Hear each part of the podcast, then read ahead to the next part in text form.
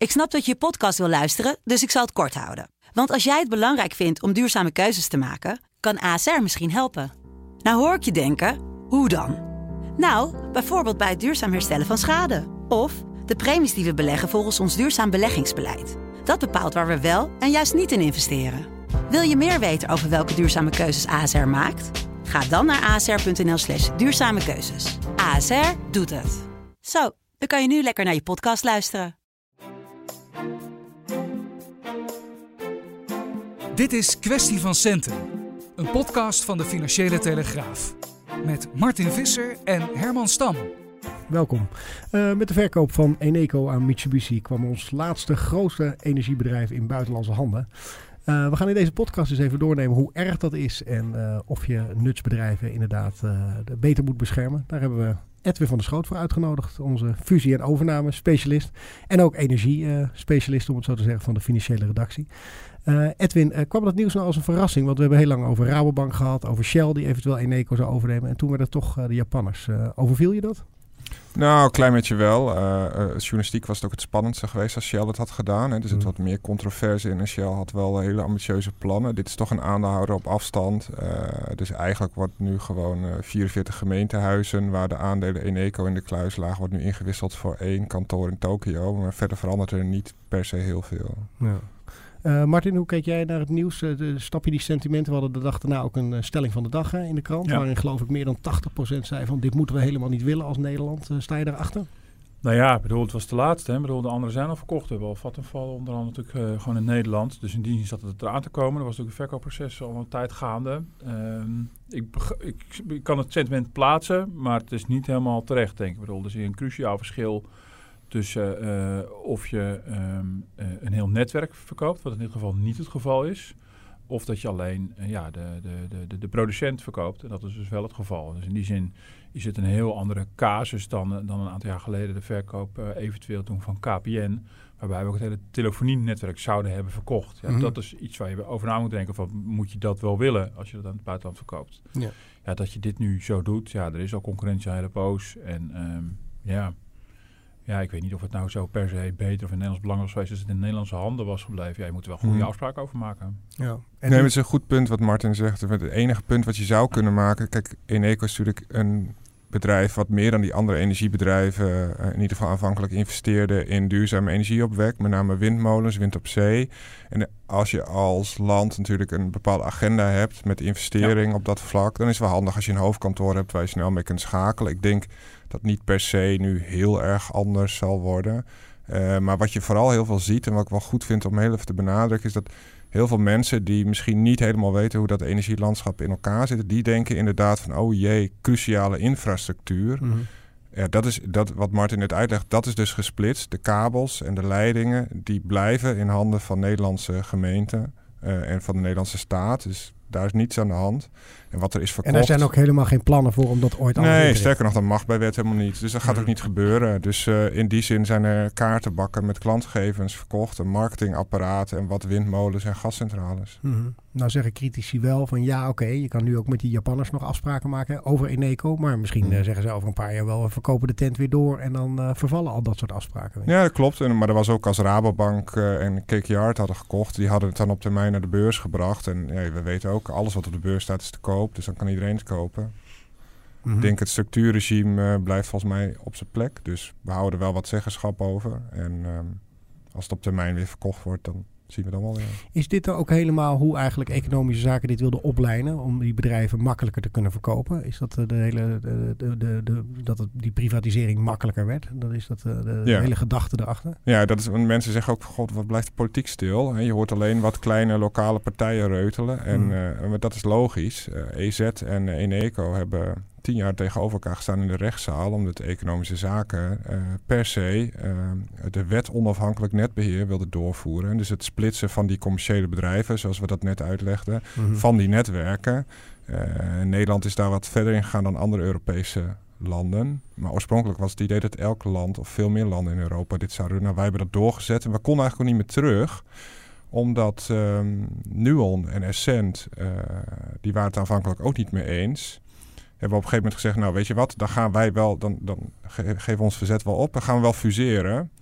Eh, maar als je nu alsnog had gezegd als economische zaken, als je, als je was gestopt met die procedures uh, tegen Eneco, als je had gezegd van oké, dan mogen jullie uh, in de overheidshanden blijven, had je natuurlijk een gigantische claim van Essent aan je broek gehad. Dus mm -hmm. je moest, ze moesten wel door. Ja, en de gemeente is intussen juichend door de straten. Dikke bingo voor Ameland en dat soort 4 miljard hè, in totaal. 4,1 miljard. Ja, ja, kijk, het is natuurlijk ook, weet je, als je wethouder was in Rotterdam of in Den Haag of in Dordrecht, dan werd je natuurlijk de afgelopen tien jaar gepest door je collega's uit Amstelveen of uh, Amsterdam. Die zeiden, ah, jullie hebben lekker geen geld en wij hebben onze aandelen Essent of onze aandelen Nuon lekker kunnen verpatsen. Dus ja, dat, dat geld is volgens mij voor een deel mentaal al uitgegeven voordat het binnen is. Ja. En wel op de juiste plekken, denk je, Martin? Of gaat het allemaal naar uh, de zwembaden en dat soort... Uh, nou, dat is ook nou, belangrijk. Dat moet een beetje blijken. Er zijn ook allerlei gemeenten met groene ambities en dergelijke. Dus, dus uh, waar ze echt zaten te wachten op dit geld. Overigens is dat ook wel een gedeeltelijk ook een verklaring voor het feit dat de politiek wat, dat, dat vrij stil is. Ik bedoel, er werd wel vanuit de linkse oppositie nog wel enigszins gereageerd op het nieuws. Maar er zijn ook allerlei, uh, ook wel weer linkse wethouders in, in die verschillende uh, gemeenten die dus aandeelhouder waren. Die echt het geld heel kon, goed konden, uh, konden gebruiken. Dus in die zin zijn er wel allerlei politieke lijntjes. Waardoor er eigenlijk mm. vrij breed belang was om, om deze deal zo te steunen. Ja, de linkse oppositie zegt dan vooral van ja, dan kunnen we bijvoorbeeld niet qua groene energie ja. of meer druk erop zetten dat er meer wind. nou ja, dat was ook, we hebben, naar aanleiding van het nieuws hebben we ook samen wat rond zitten bellen. En dat was eigenlijk het enige punt van de kritiek wat we tegenkwamen bij echt meer de, de zeg maar de marktwerking-experts. Die zeggen, ja, dat is gewoon economisch is het zuiver. Je hebt het netwerk losgekoppeld. Uh, er is voldoende concurrentie en voldoende leveranciers om ervoor te zorgen dat ook al in, in de toekomst, al zou in NECO, weet ik veel, al zouden de Japanners de knop uitzetten, ik zeg maar iets heel mm. dan, dan nog is er, is er geen ramp. Maar die met die, met die klimaatambities, dat wordt natuurlijk, dat is het enige punt wat wel naar voren kwam, wat Edwin net ook zei, dat is misschien lastiger. Ja, ze zitten niet meer binnen jouw... Um, ja, ja, misschien een politieke beïnvloedingssfeer. Ik bedoel, zoals Ed Nijpels natuurlijk met al die, uh, weet ik veel, honderd man aan tafel heeft gezeten. Ja, misschien dat dat net even wat makkelijker dealt als je dat gewoon allemaal binnenlands hebt. Mm -hmm. uh, dus in die zin, uh, dat zou het enige kwetsbare punt kunnen zijn. Maar tegelijkertijd, al die grote energiebedrijven hebben natuurlijk ook allemaal allemaal klimaatambities. Maar goed, mm. die moeten dan maar net binnen de doelstellingen van de Nederlandse regering passen. Daar, daar, daar zou het eventueel mogelijk kunnen gaan brengen. Hoe staan we ervoor als Nederland? Als je nou vergelijkt met andere Europese landen, zetten wij de deur nou juist meer open of minder in vergelijking met uh, andere EU-landen? Nou ja, kijk, ik, ik vind het aardig om het te vergelijken met allerlei andere sectoren. Uh, we noemen energie, maar ik noemde net al heel even KPN. Waar je natuurlijk ziet dat het netwerk daar dus niet is afgesplitst. We hebben natuurlijk de kwestie van met de post gehad, waarbij een PostNL al lang in Nederland was geliberaliseerd mogelijk werd overgenomen door B-Post, die nog niet helemaal was geliberaliseerd. We hebben de spoorwegen gehad, dus ook zo'n netwerkbedrijf, waar ook met, met ProRail en de Nederlandse spoorwegen natuurlijk ook een, een scheiding is gemaakt tussen netwerk en de, en, de, en de beheerder die met die treintjes eroverheen rijdt. Dat weer hele specifieke problemen heeft opgeleverd. Dat mm -hmm. gaat weer veel minder gemakkelijk. En je ziet in heel veel gevallen dat Nederland vaak net even een tandje harder loopt. Nou, Post is natuurlijk het mooiste voorbeeld.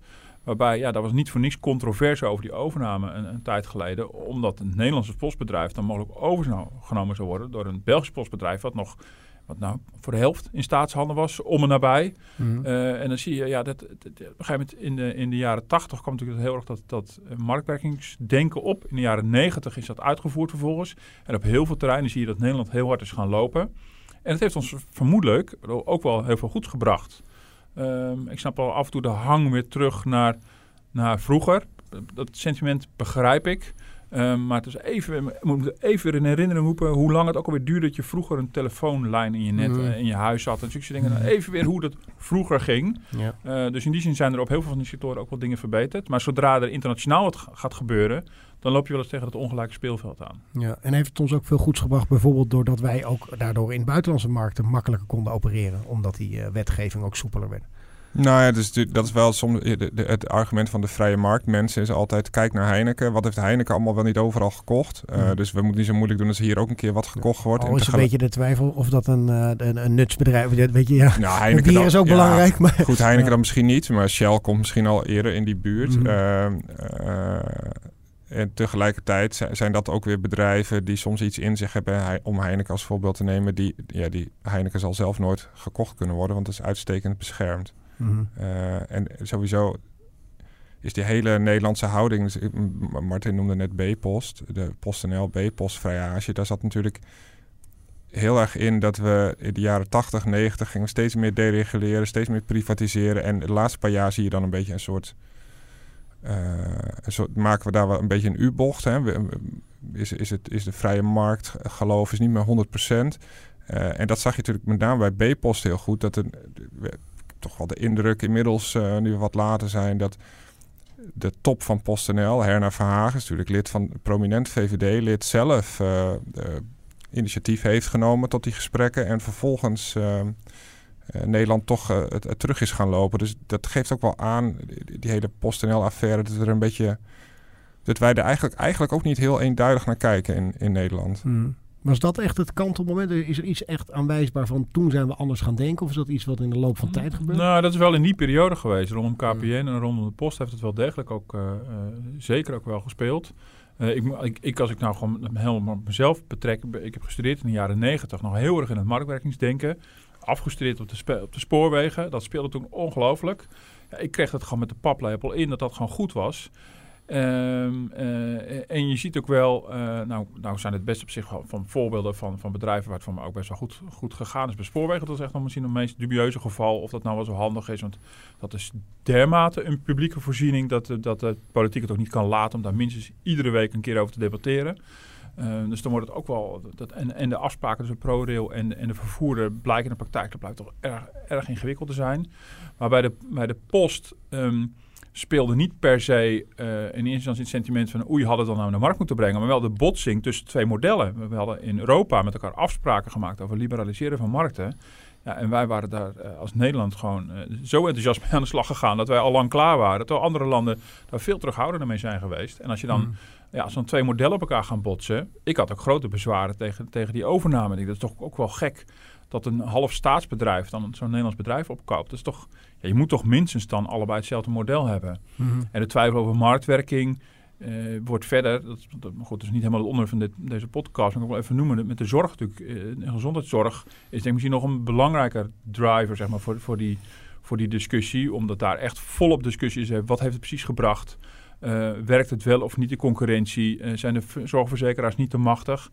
Maar die andere sectoren zijn toch wel voorbeelden van ja, hoe ook de dienstverlening beter is geworden. Um, maar ja, dan moet je in Europa wel een beetje dezelfde lijn trekken. Is dat te onderzoeken? Martin noemt ook dat voorbeeld hè, van hoe vroeger als je een eh, telefoonlijn aangelegd wilde krijgen of zo. Hmm. Zijn er onderzoeken ook van dat je ook ziet van nou, dat heeft ook heel veel goede dingen gebracht, vooral voor de consument zelf? Nou, dat, dat zou ik zo niet heel scherp durven stellen. Maar ik weet wel, ik heb samen met collega Iteke de Jong... hebben we toen heel goed B-post bekeken. Toen, hmm. uh, toen die vrijage met PostNL speelde. En wij kwamen ongeveer tot de berekening dat voor elke Nederlandse postbode er in België drie rondliepen. Uh, dus, uh, en die stonden ook echt met z'n drieën die bussen te legen daar. Uh, dus ja, daar kon je wel een effect zien, denk ik, van dat in Nederland er misschien iets efficiënter gewerkt wordt. Ja, monsieur le facteur, hè? Dat is een, ja. we hebben allemaal in Brussel gewoond. Dat is dan nog een begrip in België, de, de, de postbode. Het is ook meteen een sociaal werk, hè? Sociaal bindmiddel. En de andere kant natuurlijk weer, dat moet dan ook gemeld worden, is dat PostNL natuurlijk ook kampioen was in totaal ander soort arbeidscontracten aanbieden. Uh, dat vond ik ook opvallend, het verschil. Als je een paar jaar in België hebt gewoond, je komt weer terug naar Nederland. denk ik, oh ja, er lopen wel echt een heel ander, ander type mensen rond die de, die de, die de, die de post uh, bezorgen. Heel veel flexcontracten en dergelijke. Mm -hmm. um, en inmiddels uh, is natuurlijk ook die markt enorm veranderd. Hè. Je nu de, de samengaan met Cent. Uh, dat is een stap terug, hè? Dus bedoel, in die zin is het een stap terug. En nu, nu wordt er van overheidswegen weer een monopolie toegestaan. Wat ook opmerkelijk is. Maar dat komt helemaal omdat de de consumentenpostmarkt uh, nou, stapje voor stapje aan het, aan, aan het verdwijnen is. Dus zo'n zo'n markt verandert ook weer. Dus daar moet ook weer een nieuw model worden toegepast. Ja, ja, dat ga je natuurlijk niet zomaar in een van in overheidshanden terugnemen. Nu is dan maar voor gekozen. het is gewoon een reactie ook, om denk een, ik. Ja, om een soort monopolie te, toe te staan in een commerciële vorm. Ja, of dat gaat werken, dat vind ik nog een beetje dubieus gezegd. Mm -hmm. Kan je nou in jullie ogen ook uh, KLM in zo'n uh, rijtje schakelen van... joh, uh, de overheid ziet van, hé, hey, dat gaat niet helemaal goed. Ja, de KLM is ook geen nutsbedrijf, maar wel belangrijk voor je vliegverkeer. En je neemt als overheid daar toch ook weer een aandeel in... omdat je eigenlijk meer een vinger in de pap wil hebben. Zie, zie je dat ook, past dat binnen die ontwikkeling? Ja, dat lijkt mij wel. Mm -hmm. Ja. Dus ook een botsing van die modellen weer. Hè? Ook, ook, ook een, uh, door, KP, door, met KLM heb je natuurlijk... Uh, het is natuurlijk voor een deel is het ook een publieke voorziening. Um, commercieel georganiseerd. Maar er zit natuurlijk een zeker belang in voor, voor, de, voor, de, voor de samenleving, voor de maatschappij voor en dus voor de overheid. Maar daar ging natuurlijk de modellen botsen. Dat de Franse overheid een grotere vinger in de pap had dan de Nederlandse. Ja, en dan op een gegeven moment komt de minister van Financiën tot de conclusie: ik ben gekke Henkie niet. Ik, ik stap ook in. Mhm. Uh, Eigenlijk uh, contrair het Nederlandse denken uh, overigens. Ja. Want dit was ook een, dat was natuurlijk een opmerkelijke stap om belang te vergroten. Maar er zit wat strategisch denken achter over wat zijn de verdienmodellen van Nederland ook ja. naar de toekomst toe. En, en, en we hebben kennelijk een uitroepteken achter Schiphol gezet. Ja. Tenminste, zo heb ik hem laten uitleggen. Ja. Maar zoiets zou bijvoorbeeld, weet ik wat, ik moet met Tata, wat ik ook allemaal vol in het nieuws is, zouden dat die manier natuurlijk niet doen. Dus ik kan me dat niet voorstellen dat de overheid zegt, nou we nemen ineens belang omdat we die werkgelegenheid willen redden. Maar dit was natuurlijk een bedrijf, een Air France KLM, een bedrijf met, uh, waar al gedeeltelijk overheidsbelangen in zaten. Alleen de Franse zijde veel zwaarder dan de Nederlandse zijde. Mhm. dan, dan krijg je zo'n beweging. Ja. Ik zie Edwin wat bedenkelijk kijken. Jij ziet Nou. bij Tata nog wel een beweging gebeuren? Nou goed, laten we zo zeggen, bij Air France KLM vonden we toen ook wel verrassend. Hè? Ja, zeker. Eh, dus eh, Ja. er moet niks uitsluiten. Maar het is wel zo dat de Nederlandse overheid en de gemeente Amsterdam eigenlijk tot eh, volgens mij eh, jaren negentig aandeelhouder van uh, Hoogovens waren. Eh, en ik denk als die beslissing om die aandelen destijds eh, te verkopen, het kon worden teruggedraaid, dat dat in ieder geval wel overwogen zou worden. Ja, maar de, toen Eh. dachten we nog van nou, dat is basisindustrie. Dat moeten we minstens hebben in Nederland. Ja, en, en dat sentiment zie ik nog niet. Maar het is wel zo dat je ziet natuurlijk wel dat dat kabinet en Kamer wel eh, enorm aan, aan, aan, het, weet je, aan, aan het zoeken zijn van eh, steeds meer kritische geluiden over het begrip marktwerking. Maar waar zich dat precies op gaat richten is nog niet helemaal duidelijk.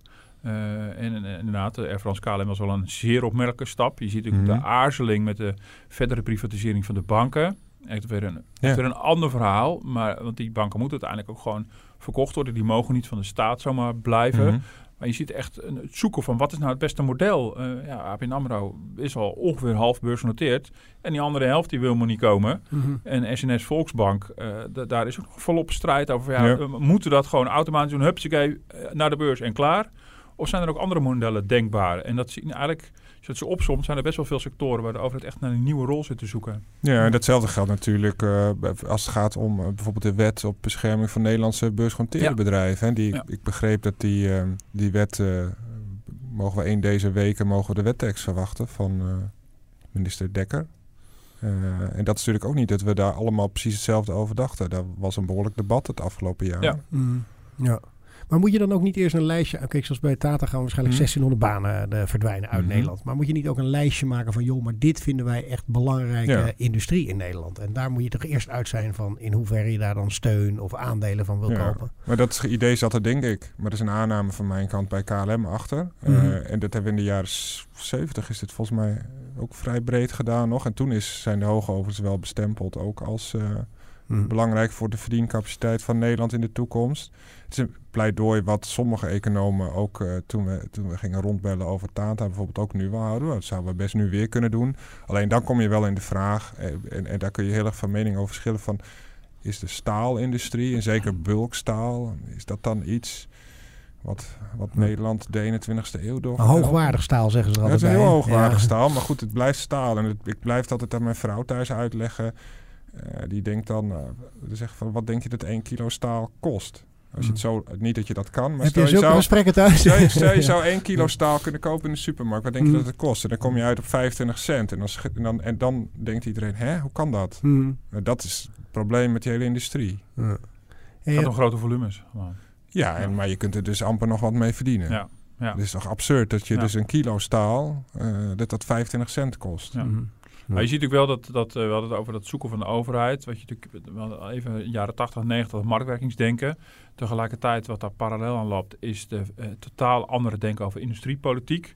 Wat tot en met ongeveer jaren 80 nog een keer mocht. Dat de RSV-debakel, parlementaire Ja. enquête, een hele handel. eh, een, een bedrijf wat omviel ondanks overheidssteun. Ja. Ja, en sindsdien is natuurlijk echt voor gekozen van we willen wel in de economie faciliteren dat er bedrijvigheid is, maar we gaan niet meer als overheid rechtstreeks interveneren, subsidiëren. Mhm. Maar we, we schetsen alleen maar de randvoorwaarden. Nou, en, en nou goed, dat is. We hebben natuurlijk onder balken die praatclub van het innovatieplatform gehad. Er werd heel veel afgeouwehoerd. Toen kregen we het topsectorenbeleid van 2011 met Rutte 1. eh, en het topsectorenbeleid bestaat nog steeds. En het is nog steeds een beetje zoeken van... Ja, stimuleren we alleen maar in de marge... Mhm. Of gaan we ook steeds meer verder ingrijpen in is werkgelegenheid? Dus bij Tata is het een voldoende argument. Mhm. Of moet een argument zijn van wat voor economie willen we eigenlijk? Ja. Wat voor Mhm. industrie wil je minstens houden in Nederland? Dat zijn best wel ingewikkelde vragen waar wij ook niet zomaar even zeggen, nou dit is het antwoord. Mhm. Ik vind wel opvallend dat het kabinet wel gewoon af en toe stappen neemt. Nou, bijvoorbeeld eh, Air France KLM. Eh, ook een stap neemt door bij ABN AMRO en Volksbank heel lang te wachten. Zonder dat je nou het gevoel hebt van... en dit is nu de koers. Dit is nu Ja, de, manier waarop ze nadenken over de toekomst van onze economie. Ja, gewoon één coherente, uitgesproken visie. Precies. Ja. Ja, die ongetwijfeld eh, vrij, eh, een vrij stevig verhaal zou moeten zijn. Want het zijn Mhm. allemaal verschillende soorten sectoren. En dat ontbreekt nu heel erg. Ja, Trump Dus- doet het wel, hè? Ja, Die heeft dat wel, zo'n Mhm. visie. Heel duidelijk. ja die is ook wel... En die past ook op een A4'tje. Ja. Ook, eh, dat ik, eh, in een tweet past die zelfs. Ja. Maar Ja. ik ga toch even aan jullie vragen. Ik weet dat het moeilijk te beantwoorden is, maar ik denk dat de luisteraars wel geïnteresseerd zijn. Waar, waar, waar zou in jouw eh, ogen de voorkeuren moeten liggen? Nou, ik snap de, dat topsectorenbeleid was ik altijd wat kritisch over omdat het, eh, er zijn negen sectoren aangewezen. Eh, food is er één en, eh, en, Ja. en health. En daar zijn negen van die nou, redelijk water, eh, innovatieve sectoren. Dat is voor een klein land als Nederland al best wel veel. Hm. Eh, aanvankelijk was het topsectorenbeleid ook een soort praat, praathuis. Eh, maar eh, wat ik wel nu wel, wel, wel steeds vaker ook lees in de evaluaties... is dat het ervoor gezorgd heeft dat, dat de regio, dus politiek... en de bedrijven eh, en het onderwijs steeds beter elkaar kunnen vinden. En dat daardoor eh, ehm, er in verschillende regio's... nou, Eindhoven wordt ook heel vaak genoemd. Nou, een paar van die regio's rondom Wageningen... dat daar wel sterke klussen aan het ontstaan zijn. En ik denk op zich dat wel een logische koers is. Beter Mhm. dan dat je vanuit Den Haag zit te bedenken van het moet dat bedrijf zijn of die technologie. Dus ik denk dat die koers op zich niet verkeerd is. Alleen het grote bezwaar nog steeds tegen het topsectorenbeleid ook, dat, dat zeggen ook gewoon economen die, die het onderzoeken, dat verzin ik niet allemaal zelf, is dat, dat het een perfecte manier is om reeds bestaande bedrijvigheid in industrie te faciliteren. En dat het nog steeds heel moeilijk is om helemaal open te staan voor iets wat helemaal nieuw is. Dus het zijn regionaal ook allerlei praatclubs. eh, waarbij vaak de gevestigde orde aan tafel zit. En hoe zorg je er nou voor dat er ook echt helemaal nieuwe dingen kunnen ontstaan. zonder dat je dat erg centraal verzint. Mhm. En dat ei van Columbus is nog niet gevonden. Van mijn gevoel. Mhm. Hey Edwin, eh, je volgt de Tata op de voet. Hè? Hoe Mhm. eh, kijk je daar? Ik, ik snap, het is een portefeuille waar je veel over schrijft. Dus ik wil je niet vragen van moeten ze nou blijven of niet. Maar kan je eens die argumenten noemen van waarom zou Nederland daarvoor op de barricade moeten gaan? Dat we dit wel. Want Ja. Ik heb het idee 1600 banen. dat, het- dat die niks? sentimenten een beetje schuiven over het, het, het opnemen voor Tata. Van oh, de vervuiling en willen we wel zo'n industrie. En als je nou zo voor jezelf op een rij zet van nou, hierom is het wel belangrijk en hierom is het eigenlijk niet belangrijk. Hier, de, de, de- we kunnen ze beter naar het buitenland laten gaan. Ja, maar je, je kunt het heel, heel simpel houden. D- dit zijn 9000 banen en eh, eh, grofweg over de duim zou je kunnen zeggen... eh, misschien nog een factor 4 aan banen in de indirecte sfeer. Hm. Eh, dus dat, dat is behoorlijk wat werkgelegenheid wat, al, wat je anders op het spel zet. Het is natuurlijk ook voor een groot gedeelte blauwe boorden werkgelegenheid. Daar hebben we wat minder van in Nederland. Eh, de witte boorden zijn meestal wel... eh, recht is geloof ik al jaren de populairste studie. En als je dat studeert, dan kom je wel aan een baan. Maar niet iedereen kan dat of wil dat. Is ook heel veel kantoorpersoneel? Of is dat vooral een eerste Het, aanleg? het Ja. gaat nu twee. Het is de zijspoor, maar twee derde van de mensen die eruit zou moeten is kantoorpersoneel. Mhm. Maar overwegend zijn natuurlijk blauw, Ja. blauwe boordenbanen. Ja. En als. Kijk, het punt is natuurlijk zo. Je zou kunnen denken als je de, het mes te diep in Tata in IJmuiden zet. En, eh, en als je bijvoorbeeld die hele site integreert met wat aan de overkant van de Noordzee ligt. eh, en dat leidt op een gegeven moment tot het vertrek van dat bedrijf of het verdwijnen van dat bedrijf over een aantal decennia, dan ben je dat allemaal kwijt. Ehm, en dat bedrijf heeft, denk ik, een redelijke verwevenheid met het MBO-beroepsonderwijs Hm. in, nou, laten we zeggen, Noord-Holland, misschien Holland, Noord- en Zuid-Holland. Eh, dus in die zin zou je kunnen zeggen, nou, daar mag je best zuinig op zijn. Maar ja, je moet ook gewoon reëel zijn. Als straks de kolencentrales gesloten zijn, dan is dit met afstand de grootste CO2-uitstoter van Nederland. In een markt waar eh, inmiddels meer dan de helft van de volumes wereldwijd door Chinezen gemaakt wordt. Die hebben overigens ook een industriepolitiek en dat gaat over volume. Eh, en dan moet je wel afvragen, ja, moet je dat dan allemaal in de lucht willen houden en tegen welke prijs? Dus dat- dat zijn denk ik de, de, de argumenten die je voor en tegenover elkaar kunt zetten. En merk je dan ook in je belronde en contacten met mensen dat inderdaad dat, dat eh, op de barricade willen gaan voor Tata, dat het minder aan het worden is? Uh, nou, ik heb het idee juist dat het andersom is. Dat de mensen die er altijd voor... De, de verwevenheid met politiek is altijd vrij groot geweest. En ik heb bij het idee dat uh, ook Rutte, Mark Rutte wel in de gaten houdt wat hier aan de hand is. Maar dat het eerder aan de andere kant is. Dat bij GroenLinks, D66, et cetera... er best wel wat mensen zijn die denken van... ja, durven we het aan om te zeggen dat je het ook kunt sluiten... en dat je dan milieuwinst pakt en dan dat ze zeggen, denken, nou laten we dat toch nog maar even niet hardop zeggen. je maakt klimaatwinst als, als banenverlies wel heel concreet die uitruil. En dat is natuurlijk best wel hard tuurlijk. als het jouw baan betreft. Tuurlijk, maar ik kan me niet voorstellen dat je als GroenLinkser dit punt niet zou willen maken. Maar ik denk dat ze gewoon niet durven. Nee. Hm. nee. Maar kan je misschien ook zeggen dat wat bedoel, Tata, de kwestie Tata nu is als vroeger onze mijnen? Of is dat heel raar als ik dat zeg? Dat misschien op termijn nou, van 10, 20 jaar misschien helemaal weg is uit Nederland. En we dan denken, ja, dat, dat is waar. Nee, die vergelijking zou je wel kunnen maken. In de zin van, kijk, met, wat is met Zuid-Limburg gebeurt op hoofdlijnen sinds, sinds de mijnen zijn gesloten. Uh, is natuurlijk een regio die... Uh, uh, nou, je wordt nog steeds niet altijd vrolijk van... Van, alle, van het rondlopen in Heerlen of Sittard is niet per se een, een, een, een, een leuk uitje. Tegelijkertijd moet je ook wel zeggen, DSM heeft zichzelf goed herontwikkeld. En heeft ook altijd wel de verantwoordelijkheid voor die, voor die regio gevoeld. Om zijn hoofdkantoor hmm. daar te houden, om daar dingen te blijven doen. Dus ik bedoel, Zuid-Limburg is geen, uh, ik kijk even ook naar Herman, het is geen Detroit geworden. Nee. maar om nou te zeggen dat het, uh, dat het er uh, sociaal-economisch een, een, een hele sterke structuur heeft die regio? Nee, dat is, dat is zeker niet het geval. Nou, wat zou er gebeuren als Tata weggaat uit Noord-Holland? Krijg je dan een vergelijkbaar effect? Misschien wel je zou kunnen zeggen, het is niet helemaal mijn specialiteit, maar misschien word je dan als regio gered door het feit dat Randstad gewoon naast de deur ligt. Ja, dat scheelt enorm natuurlijk. En dat, dat uh, gewoon puur uh, qua, qua woningbouw, qua forense, zo'n zo regio wel, wel overleeft. Dat het niet een soort kaalslag wordt waar je amper nog openbaar vervoer hebt en, en hoge werkloosheid, et cetera. Um, maar dat zal zeker grote gevolgen hebben voor zo'n regio. Ja. Hey, uh, we begonnen over Eneco. Hè? ik zat eigenlijk net te denken van uh, hoe komt het dat zo'n sector nog zo enorm in de picture ligt bij buitenlandse bedrijven? Wat zien zij in die sector uh, om daar allemaal zo in te stappen hier in Nederland?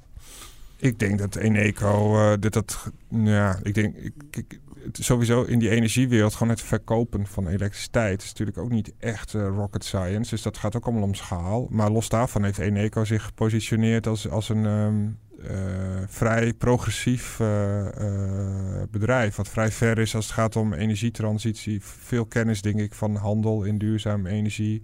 Windparken op zee. Ik bedoel, wij denken misschien in Nederland dat iedereen dat heeft. Maar mm. zoals de Noordzee in, laten we zeggen, eind jaren 50 pionierde als het gaat om olie- en gas boren. Is het nu gewoon de, de regio waar wind op zee min of meer wordt uitgevonden. en, en de Japanners zijn natuurlijk Japan is een land met een soort frustratie op energiegebied. Die hebben helemaal niks. Mm. Geen, geen druppel olie, geen gas. Ze zijn al een keer een oorlog om begonnen. Hè, om, kernenergie. ja. Kernenergie hebben ze ook een bepaald oncomfortabel gevoel mee natuurlijk. Dus dat de Japanners hun oog op hernieuwbare energie laten vallen, ja, dat is natuurlijk niet zo raar. Ja. Uh, Martin, uh, tot slot, uh, je, je, had al een beetje je oproep gedaan richting de Nederlandse economie. Zouden ze veel sneller met zo'n plan moeten komen van dit vinden we nou belangrijk? En... Ja, ik denk dat het wel goed is om er weer lijn en structuur in te krijgen. En ik herken meteen dat het heel ingewikkeld is, want we gaan natuurlijk in, binnen een half uur tijd totaal verschillende sectoren over tafel. Mm -hmm. maar um, ja, om, om ook te zorgen, ik bedoel, er moet weer leiding komen. Uh, ook om te voorkomen dat het ook een, misschien een populistisch politiek debat gaat worden. Waarbij het heel makkelijk uh, roepen is, het is de markt die het heeft gedaan. En al nagelang het nieuwsfeit waar je druk om maakt. Uh, dat er weer een duidelijke lijn in komt. Dat lijkt me wel, dat lijkt me wel heel erg goed. En um, nou goed, dat is niet op een achtermiddag geschreven. Maar ik denk wel dat het kabinet lang genoeg op de rit is. En nu voldoende cases in de afgelopen periode langs heeft zien komen om, om daar weer een nieuwe lijn in te gaan uh, ontdekken. Ja. En dat gaat dus niet om de topsectorenbeleid, maar gaat echt hoe verhouden we ons tot nou, bedrijven als, als telefonie, energie, misschien ook wel de zorg. Wat je natuurlijk wel nog ziet, eh, nog heel even op te merken naar aanleiding van, van de hele gebeuren rondom KPN, is natuurlijk wel vanuit Henk Kamp en daarna Mona Keizer het idee gekomen om vitale sectoren ook meer te beschermen. Maar dat gaat echt een bescherming van, van, een, van een netwerk, van een mm. telecomnetwerk, dat het niet zomaar in buitenlandse handen komt. Maar die bredere vraag van hoe, ja, hoe stimuleren we welke bedrijvigheid en welke, ja, hoe dichtbij mag de overheid komen of welke afstand moeten we houden, die, die vraag die, die schreeuwt echt om een antwoord. Ja. Wanneer komt de volgende discussie, Edwin? Uh, nu na Eneco, uh, Arriva misschien, die weer overgenomen wordt? Of? Ja, het ene is Arriva is natuurlijk eigendom van de Duitse spoorwegen. Dus daar hebben we helemaal niets over te vertellen, over die privatisering. Dat is stap natuurlijk al gemaakt. Ja. Uh, ja. Maar dat weten denk ik ook heel veel mensen niet van wie zij Nee, maar goed, zijn. Arriva wordt verkocht. Waarschijnlijk aan een van de grootste private equity partijen wereldwijd. Dus dan weet je wat er gaat gebeuren. Dan komt er een... daar wordt er gewoon heel erg duidelijk op cash gestuurd. Dus ik, volgens mij in tien provincies in Nederland hm. actief met bussen en stoptreinen en sneltreinen. Dus ik ben benieuwd of daar dan. En verder is natuurlijk dit, maar dat stipte Martin al aan, de privatisering waarvan ook niemand in Nederland weet wat we daar nou in vredesnaam mee moeten, is uh, de oude SNS-bank. Daar hm. heeft echt niemand, de eerste die daar een goed idee mee heeft, wat ook nog eens rendabel is, die, die wordt denk ik uh, bij financiën met de open arm ontvangen. een heel interessante case die ook weer een klein beetje licht gaat geven over hoe denkt de huidige kabinet over die rolmarkt overheid. Dus in die zin uh, kijken welk model ze kiezen, dat is veelzeggend denk ik. Of ze kiezen gewoon niks en ze schuiven het nog heel lang vooruit. Ja, ik kan het niet, ik weet niet, ik denk niet dat er Europese regels zijn van hoe lang het precies mag. Maar ja, volgens mij uh, zit er wel een deadline aan te komen. Op een gegeven moment moet het een keer, het bedoel, je, je wilt er ook gewoon een keer vanaf. En het moet gewoon een rendabel commercieel bedrijf zijn. Alleen dan in welke vorm. Ja. Dank je, dank je. Ik wilde afsluiten, maar wil je nog wat zeggen? Nou ja, misschien, kijk, misschien tot slot nog zonder dat ik alle Belgen, want we hebben natuurlijk Belgische eigenaren die je tegen mhm. de schenen wil schoppen. Maar afgezien van misschien Mediahuis, zijn er niet heel veel, um, zijn er niet heel veel Belgische multinationals die, uh, die en met een hoofdkantoor nog in België en, um, en uh, zo'n hoofdkantoor en de bijbehorende R&D. En, en ook wat vaak wordt gezegd, een hoofdkantoor kan ook echt een opleidingsinstituut zijn voor generaties aan bedrijfseconomen, juristen, et cetera. Uh, wat vaak in Nederland wel gezegd wordt, is van ja, we moeten oppassen dat we niet uh, een soort België worden. Mm. Want als je naar de Bel 20, de hoofdindex van de Belgische beurs kijkt, daar zit niet zoveel Belgisch meer in. Wat, nee, we hebben het uh, laatst zitten uitzoeken. dat is, de, ja, um. Solvay staat er nog in. AB InBev is eigenlijk natuurlijk gewoon Braziliaans. Mm -hmm. het, houdt vrij snel op. En uh, je ziet niet voor niks Belgische managers heel snel de grens overvluchten... en dan maar een Nederlands bedrijf gaan leiden bijvoorbeeld. Want in België is er niet zoveel meer. Uh, en dat is wel iets, denk ik... Als je dan gaat kijken naar eh, wat willen we in Nederland? Waar willen we in de toekomst geld mee verdienen? A, je, hebt sowieso dat soort dingen nodig. En B, een, een onderwerp wat we nog niet echt behandeld hebben, is... Uh, we hebben het nu over oude industrieën gehad eigenlijk. Hè? Staal, energie. Maar um, uh, Eindhoven werd even genoemd. Kennisintensieve in plaats van kapitaalsintensieve industrie. Wat je natuurlijk ook in uh, rond Wageningen heel erg hebt. dat is ook wel een van de richtingen waarvan economen zeggen... dat, dat moet Nederland wel blijven koesteren. Ja. We moeten geen België worden. We moeten geen België worden. uh, dank jullie wel allebei uh, voor jullie tijd. Uh, ik zeg erbij dat we, u ons ook kan beluisteren op Spotify. En, en abonneren. iTunes, ja. Dan eventjes een commerciële boodschap. En mail ons ook gerust op podcast.dft.nl. Dank jullie wel en tot volgende week.